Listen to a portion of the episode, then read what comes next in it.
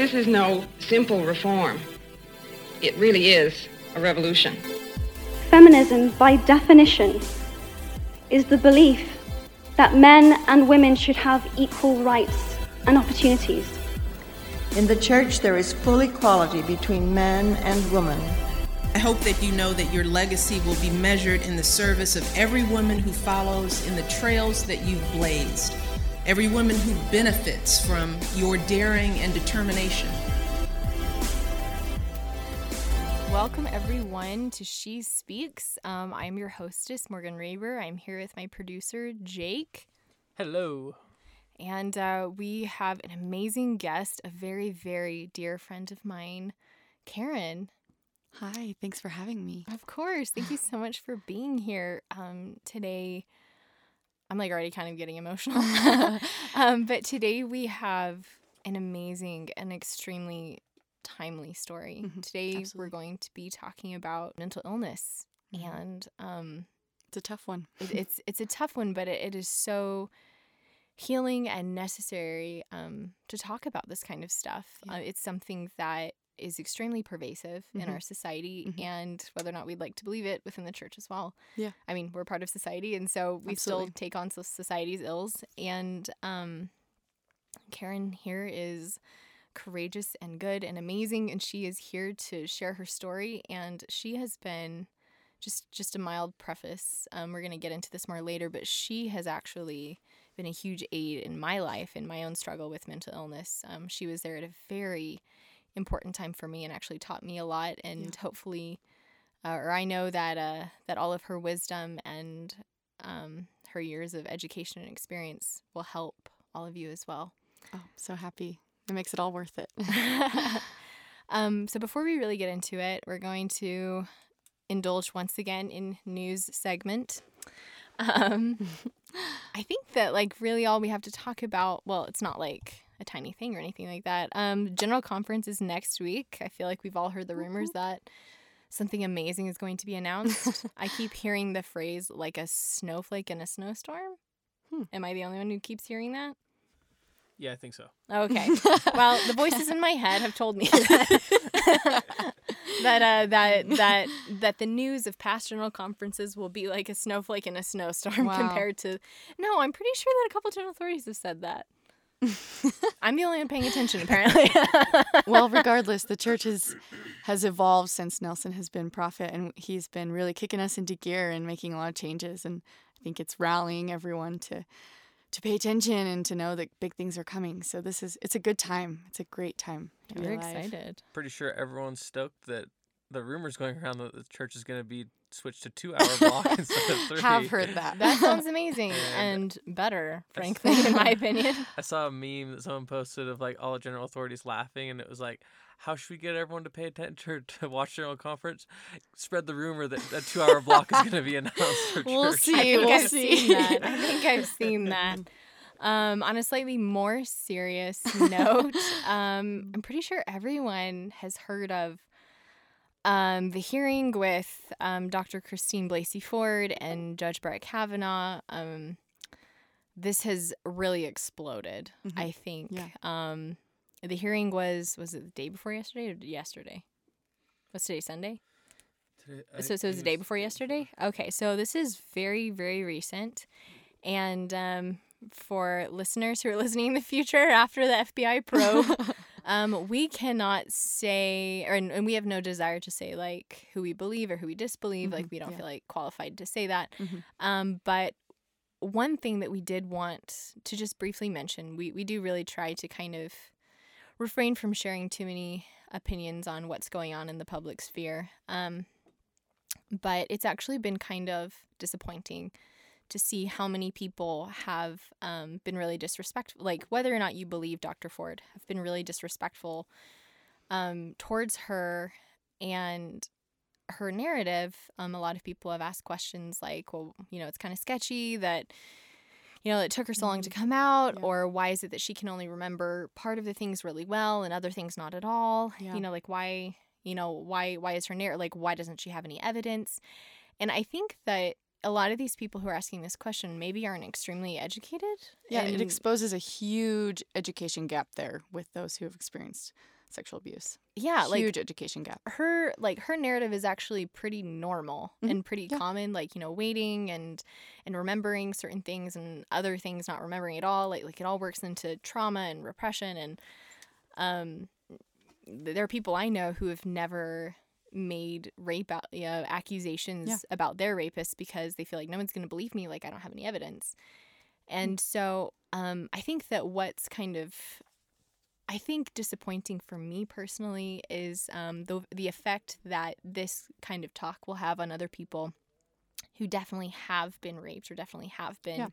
assaulted, and how they're going to feel about like, wow, like if I come forward, especially against um, someone who's very powerful or very in- influential, no one will believe me, and they'll ruin my life, and they'll send Mhm. me death threats, and, and this is how I'll be treated instead of being treated at least with respect and like being given a chance. Mhm. Yeah. Um, yeah. Yeah, I mean, regardless of who is right and who's wrong and who's telling the truth, I am proud that America is giving it a big deal and that giving her a voice. Um, and I also hope that it shares the message that this is not something that's going to live in shame and secrecy anymore, and that Yeah. if you are someone who commits this crime, that you're going to be held accountable and there will be consequences, and that it's not going to be swept under the rug. And I hope, I hope that this creates a culture where we if that happens to us that we can share and i know that that's terrifying and Mm-hmm. i have personal experiences with that specifically but i just i hope that this shares knowledge and it it has a positive effect on america and the people who live here Yeah. No, I, I totally agree. So regardless of who's telling the truth or not, Mhm. um, you know, we'll we'll find out what the FBI comes Yeah. up with. But in the meantime, I think that when people come forward, um, we don't have to believe them, but Mhm. I think that we just need to be respectful Absolutely. and and also be respectful of Judge Kavanaugh. You know, Yeah, like we like like we can't say that he's lying or anything like that. Mhm. We Yeah. we don't know. We we don't have to believe him, but but either way, both of their lives are getting ruined in the Yeah, process. absolutely. So this is a very difficult thing, and it is Very a big deal. Yeah, very controversial, but it should be treated like a big deal because Absolutely. this is definitely Mhm. a big deal. yeah absolutely Yeah. Um. Anyway, so that's happening. Um. Definitely go. You know, before you form an opinion, go watch their opening statements. Yeah. Go. educate yourself Yeah, educate yourself. Mhm. Like, actually, you know, g- get a feel. Watch the SNL skit that they came out with about it. You know, like That's all you need. On every front that you can. That, that, that, that- that's all I need for my news is Saturday Night Live. No, that's what I watched before I watched their opening statement. Oh, no! I watched the SNL skit and I was like, oh wow, that was pretty funny. So then I watched the. Well, whatever gets you to watch the news, Jake. um, great. Well, let's let's dive right in, Yeah. Karen. Um, so first off, I guess where were you born? Where did you grow up? All right, a little background. Okay. Yeah. Um, I was born and raised in Richmond, Virginia. Um, my family, we moved here when I was about 11, and I, um, so I've been here long enough to understand culture here. And here means Utah. Here, oh yes, yes, here's Utah. Um, and so I went to high school here and graduated. Um, after I graduated, I did a lot of traveling and still kind of doing that. Um, and Wait, like your story is actually pretty cool. I think you're kind of selling yourself short. Okay, I'll give it some more justice. When, when when did you leave your house to, Okay. to go? Yeah. Um. So, um, leave my house. Or like I, I remember you telling me that you took off at a certain age to Yeah, go yeah. seek your fortune in certain really cool places. Certain. wink, wink.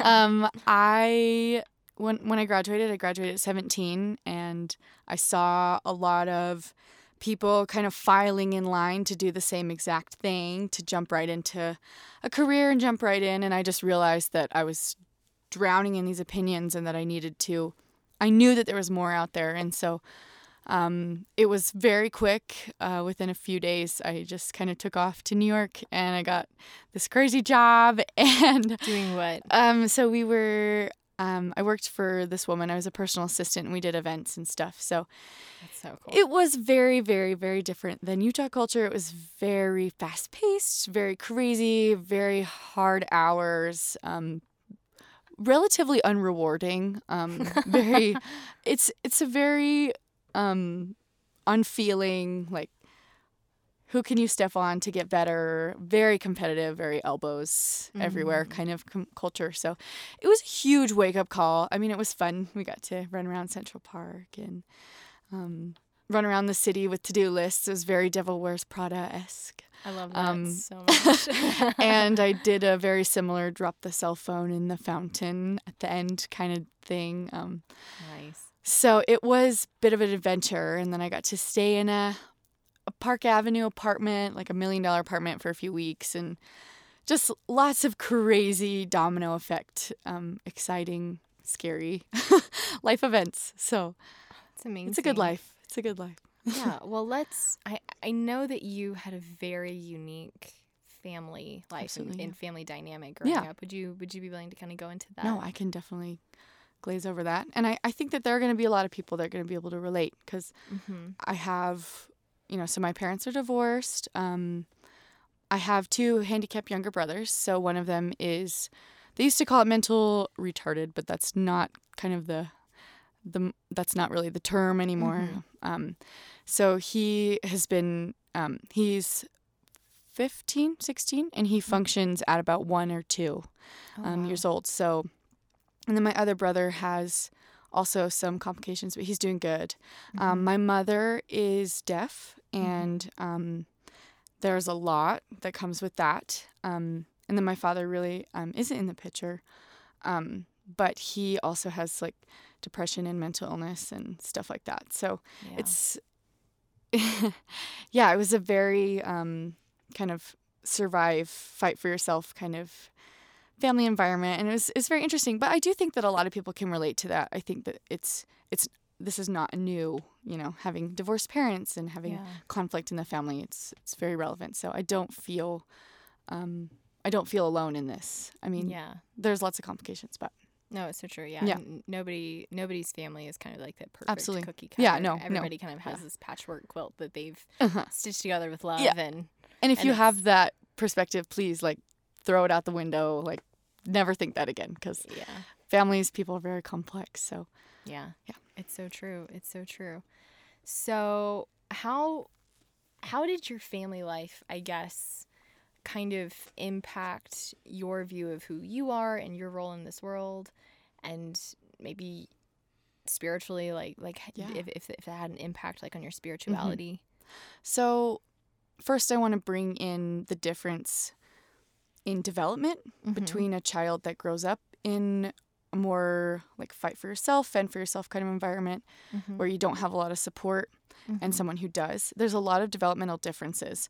And so, I experienced many, many like emotions I didn't understand, but also um, just personal influences I didn't understand. And so, that development, it you're really um what's the word you're very programmed Mhm. to see the world differently and um there's just a lot of illness and sadness and fear that comes with that Yeah. from a child that doesn't get their needs met and so that's a whole deep psychology conversation that we could have from um, many years of, of therapy on my part um, and a lot of research but um, yeah, it's it's definitely. I learned to be very independent very quickly. Um, I learned to have to problem solve for myself.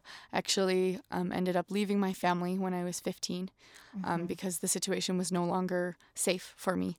Yeah. Um, and so I was just very on my own, which created a lot of insecurity, fear, and developed a lot of mental illness in the way on on the the road. You know, with Yeah. that. And um, I also want people to know that if if you have ever experienced anything in that like that in your life, if you've ever experienced um, like trauma or family discord, that there's going to be ripple effects. And so when you look around at people and people are afraid and people have walls and people act out, that almost always comes from a place of trauma or terror that has been experienced. yeah. Um, I mean, that also can be genetic as well. But um, yeah, there's just a lot that goes into someone's mental um, capacity and able, ability to progress and function as an adult. So very complex. Yeah. No, totally, totally. a lot of mental illness symptoms Mm-hmm. don't um, occur immediately. Mm-hmm. And so I always had it inside me, but I had a Mhm. very heavy weight. And so it was very, very suppressed, Yeah. um, which happens to a lot of mental illness. The more it gets suppressed, the more it gets suppressed, it gets worse and it, it, it really affects you. It's very detrimental on the inside. But I Mhm. didn't really experience those effects until I was in high school and I started to be on my own. And I realized that the skills that I had built to protect myself against my family Mhm. didn't work in society where you're Okay. functioning with people who you have to work with and people who um, are your friends and you know so there was definitely just a, there was very very dark years um, Mhm. of learning and growing and um, i'm really happy yeah Just curious uh, if you if you don't mind No. saying any of the skills specifically that you developed that to fight against your family, but that were detrimental in society. Detrimental is that the wrong word? No, that's Uh, right. Harmful. Yeah. Okay. Yeah. No, you so got it. you mean skills that i've learned over the f- over the years that have helped me Yeah. Uh, no, the ones that you were just saying that you developed to block your or to Oh, protect yeah. yourself from your family, but Yeah. that weren't good in society. okay yeah definitely. So that- definitely that way people in society can kind of recognize yeah like, oh, yeah maybe this person has some issues at home and that's why they're acting this way. That- Absolutely. that's what I'm getting at, Yeah. so. So I, if you knew me as a teenager, you would think I was the happiest, happiest person that ever existed. So there was a very, very large gap between what I had on the outside and what was on the inside.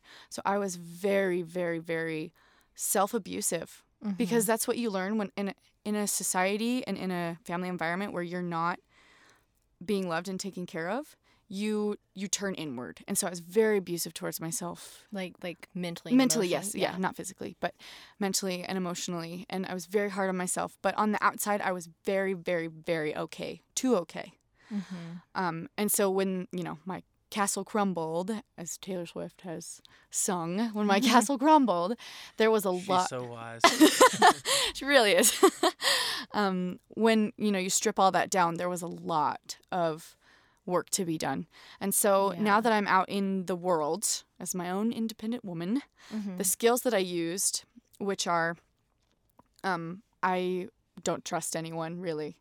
Um, I have a lot, a lot, a lot of walls everywhere, you know, um, and just pretending to be okay all the all the all the time, you know. Mhm. And so when I got out into the world and I was having to communicate with people and connect with people, I couldn't Yeah. in a healthy way.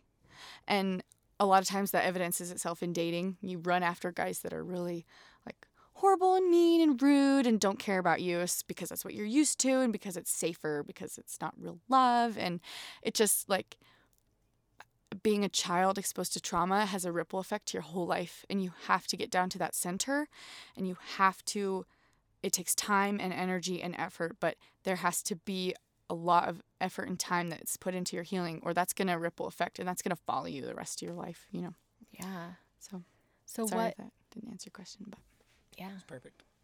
Um, if you don't mind sharing, what would be like a specific situation that would happen in your family that would cause you to kind of feel like, well, I can't trust anyone, and to kind of like cement that belief in yourself? Yeah. So my parents behavior was very inconsistent Mm-hmm. so sometimes they would be very extremely loving and then Mhm. sometimes the opposite Yeah. um, and so you just learn that you're the only person that can um, protect yourself Yeah. Um, and so I just, anyone who, so many people in my daily life will trigger me. Mm-hmm. And since then, I've learned skills in therapy that have helped me. What what what what specific behaviors trigger you? Um, so specific behaviors, people who have, um, people who um, act very like drastically, people who have Mhm. like they love you and they hate you and they're kind of two faced. Um, yeah. people like that. But also, interestingly, um, people who are loving to me, Mm-hmm. actually, it's a very trigger. It's a trigger for me. Wow. People who are too loving because I'm very afraid of it and I don't trust it. And so there's, you know, just a lot of turmoil that's had to be, I've, I've had to reframe my life and my perspective on people and that. So when you have trauma, you develop like a fight or flight response. Mm-hmm. And so in the brain, when you have trauma, your brain is not able to separate the past from the present. Yeah. And so if I would encounter a situation that was similar to something in the past, my brain couldn't separate those. And so I had to develop skills and I would have to say, I'm safe, I'm protected, like I'm safe, nobody's gonna hurt me, you know? And so there was just a lot of mental reworking and molding and um, a lot, a lot, a lot of years of effort and time into helping me understand that um, I'm not in that situation anymore. So Yeah. trauma has huge effect on the brain, um, which is actually pretty relevant to the Kavanaugh situation, which is interesting. Yeah, no, it's it's so true. Mhm. Um, what you were saying, it really reminded me of. You know, I've I've had my own struggles. I struggle with anxiety, OCD, and PTSD. Mm-hmm. Yeah. And I've I've gone to a therapist who's kind of explained what happens when you've gone through trauma f- for the Mhm. rest of your life. Um, Yeah. There's this part of your brain called the limbic system. Mhm. And it processes things faster than the rest of your brain. And the limbic system is a very kind of it's a very kind of unaware part of your Mhm. brain. And so, Yeah. so, so it's not conscious. And um, it, it is the part that tells you whether or not you're safe. Yeah. And so when you go through trauma, your limbic brain, for, for a long time after, um, it's it's it's overworking, but like it's it's it's kind of like inflamed, and so your brain is sending you messages. Yeah. Anytime that you're triggered, and Mhm. even sometimes when you're not triggered, like you're not safe, you're not Mhm. safe, and so Absolutely. it can it can create this kind of like exhausting, almost kind of like soldier at war. Yeah, Like absolutely. like I know like there are times where I felt like, oh my Yeah. gosh, I feel absolutely. sorry, but like I felt like I'm constantly at Yeah. war. Why why Mhm. am I and and it can be exhausting and it can it can have effects later on in your life that that are misdiagnosed as like ADD Uh-huh. because you have a hard Absolutely. time concentrating, Mhm. um, yep. relationship anxiety because you har- have a hard time getting close to people. Absolutely. Relationships are Yeah. hard. Yeah, And they evidence themselves in that way. no, it's I like it's so true. that up. Well, thank you. Mhm. Um, so, so what do you think? So, so, so, we have the situation with your family Mhm. where your parents are inconsistent. Your parents are dealing with their own issues. Yeah. Um, it leads them to kind of um, do the best they can, but sometimes their best maybe isn't everything that their Yeah. kids need as far as like stability That- Absolutely. and that kind of like that. That is Mhm. traumatic for a Yeah. child. Mhm. That is very, very traumatic for a child. Absolutely. And so, what were other situations in your life, or, or were there other situations in your life, I guess, that um, forced you to kind of push yourself out of that situation, where, where where it was it was beyond kind of like this pattern where you're like, I have to get out. Okay. Yeah. So I think that ties really beautifully into where we meet, Mm, where okay, how yeah. we know each other. And um, so I think that could answer your question great. Mm-hmm. Um, so I'd really like to talk about the pivotal and important, the importance that was Morgan and Karen meeting and how important that was for both of us in Yeah. the time of our life. And um, it also actually answers your question as well. Awesome. So I'd love to tell our story Yeah. a little bit. yeah, go ahead. Yeah, tell to tell your part of our Okay. story, and then I'll kind of tell like Yeah. from like my perspective what was going on there. Okay. Awesome. Yeah. Yeah, go for it. So I guess this podcast brings up a lot of depth in my life and is very we've talked about, you know, my my past history and and we're, now we're going to kind of get into more recent. Um so this brings up a lot and a lot of things I've learned, a lot of things I have to say. So I hope that I can convey it in a way that makes sense. Um but so I have always had the desire um to serve the Lord. That has been really important to me. And um as I began traveling and I began kind of learning about myself, I this little desire in me to serve a mission just grew and until it just filled my whole heart and my whole existence. And I knew that that was what I wanted to do. Um, but I knew that I had mental illness and that there was a lot that was going to hold me back.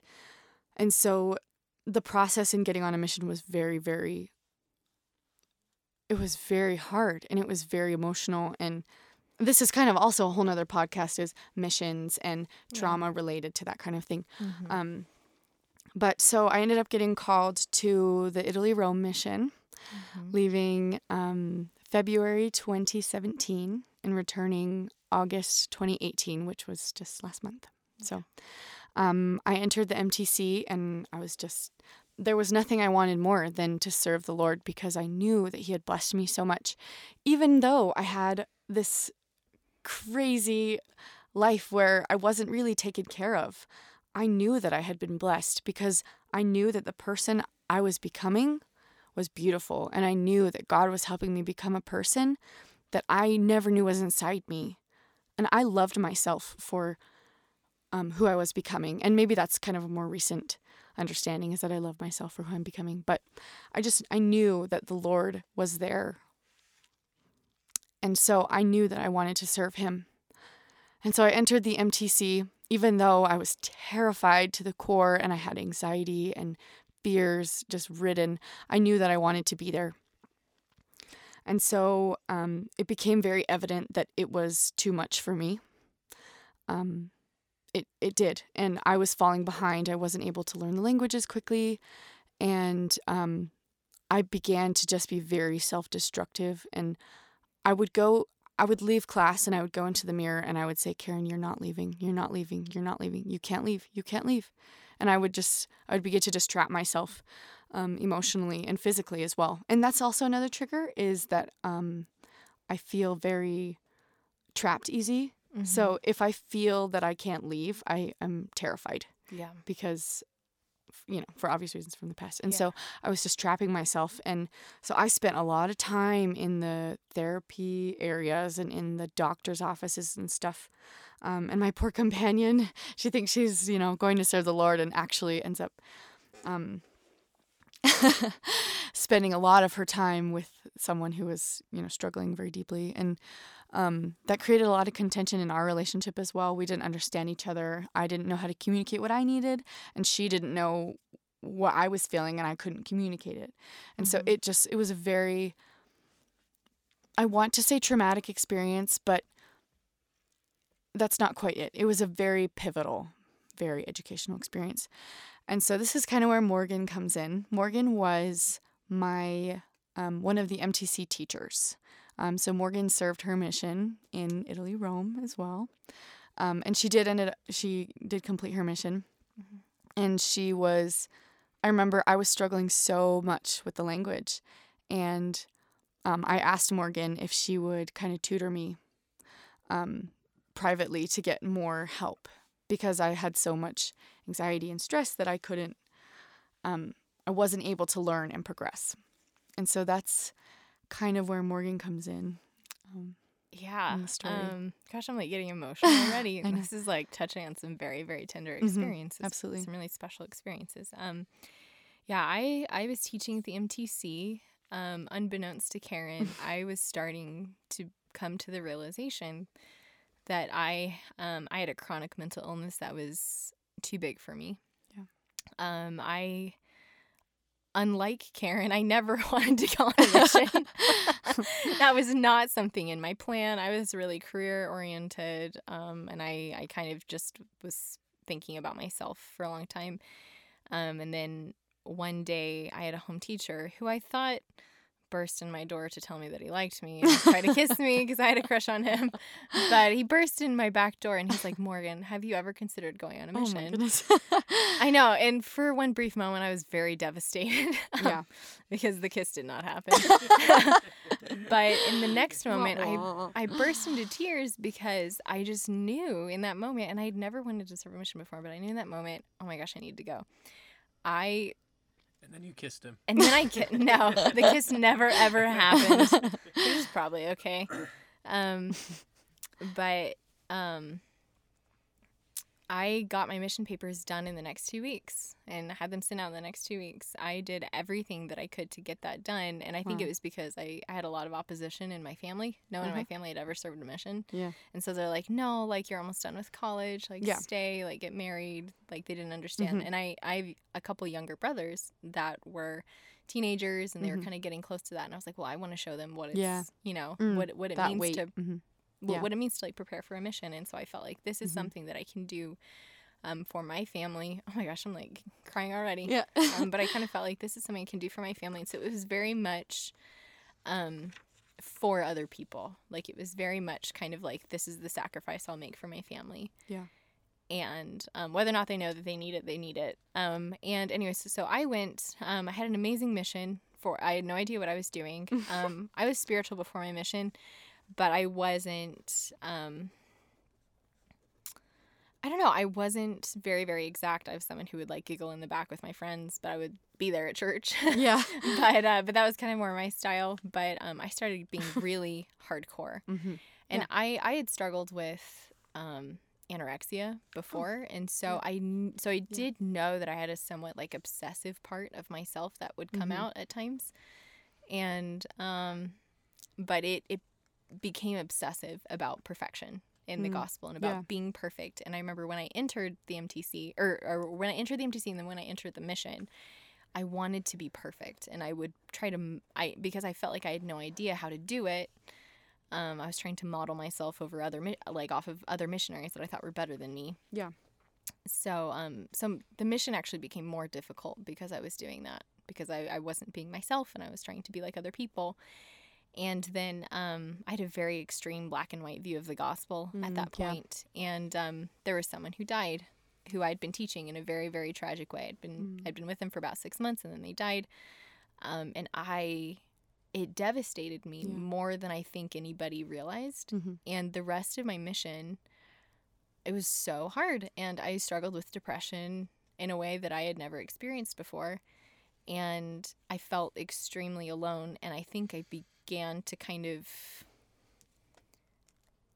It was, I would vary between resenting God and blaming Him and then resenting myself and blaming Yeah. myself. Mhm. And it was, it was normally resenting myself towards the beginning. Um, I came home, you know, tried to like live a normal life. I, you know, I, you know, through sheer grit, I toughed it out.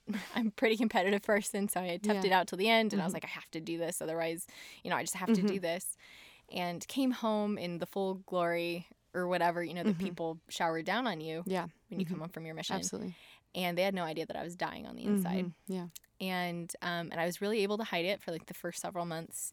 And then over time, the anxiety attacks would become so frequent where I'd be walking in class and I would just stop breathing, or I would be triggered in class. Um, I'd be triggered in church like a lot. Staying at church for three hours became really really hard for me, especially when people would talk about how much God loves me, because I felt like that's not true, or I don't deserve that, or that's like like like that rang untrue for me. But I, I was trying to do everything i could to earn that. And so i was working at the mtc trying to maintain that missionary perfection.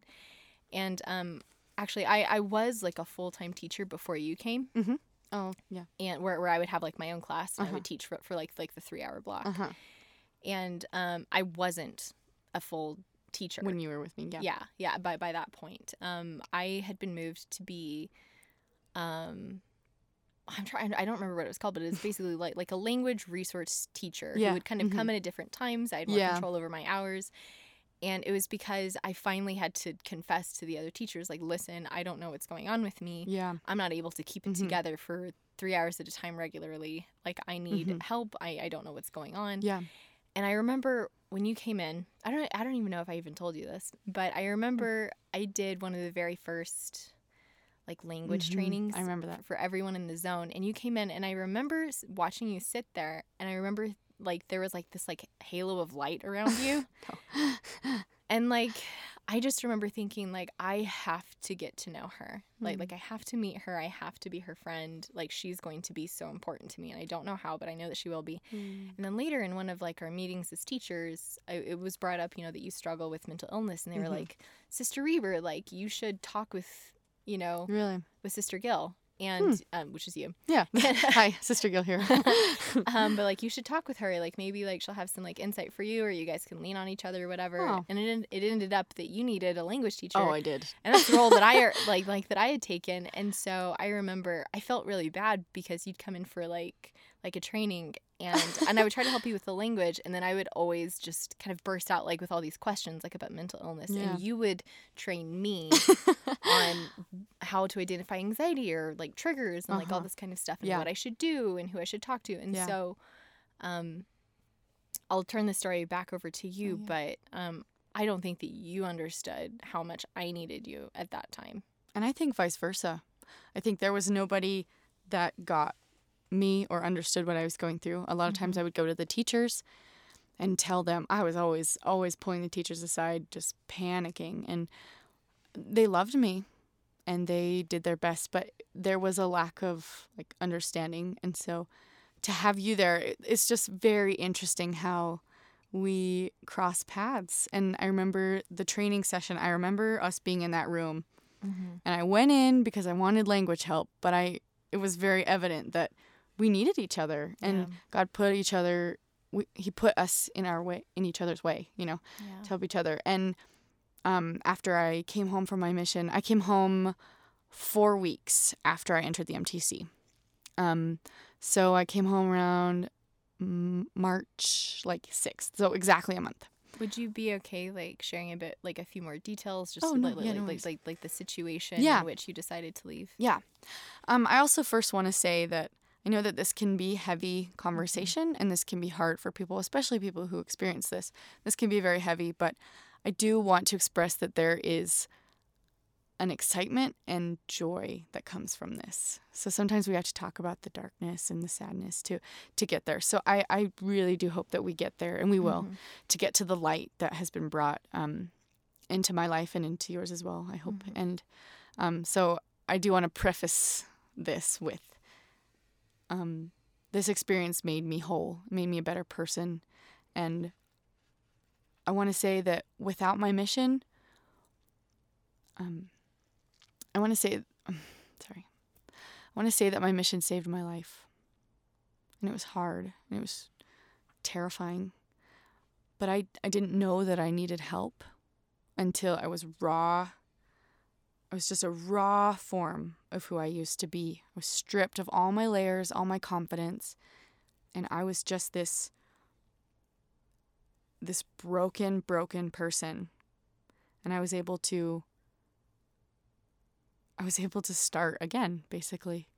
Um, and so I'll kind of get into that part of the story. But I just want to say that this is it's gonna get good and it's gonna be happy and um, we'll talk about the lessons we learned and stuff. But so I just was suffocating every day. I mean, just, I just could barely breathe. I could barely breathe. And um, I was like, my relationship with my companion was very stressful because there was a lot of contention there. And so um, I just pushed myself, and I pushed myself too hard to the point i mean there's good stress and there's bad stress. There's stress that pushes you to be better and there's stress that can be very harmful. And it was just a very harmful situation for me. And I- i don't want this to be reflective of the church or the mission program at all. Um, this is a personal experience and this does happen quite often but i kind of want to shed some light on it as well. So um, i began to be um, suicidal because I had trapped myself. And mm-hmm. suicide often, suicide thoughts often comes from when you have hit a certain point where you don't, there's nowhere else to go. And I mm-hmm. had hit that point. I had said that, like, your emotions become too much and it becomes too dense and too heavy mm-hmm. and too suffocating that there's nowhere else to go. You, I told myself I couldn't go home because I was going to be a good example for my little cousins and that I wasn't going to I wasn't going to fail, you know? And a lot of times I struggled with failing Heavenly Father, and that was really heavy for a long time. So I wasn't going to go home. But I wasn't um but I wasn't getting better. I was getting worse and worse and worse. All right. Well, we hope that you've enjoyed this this first part of our series with Karen. Um, tune into to part two.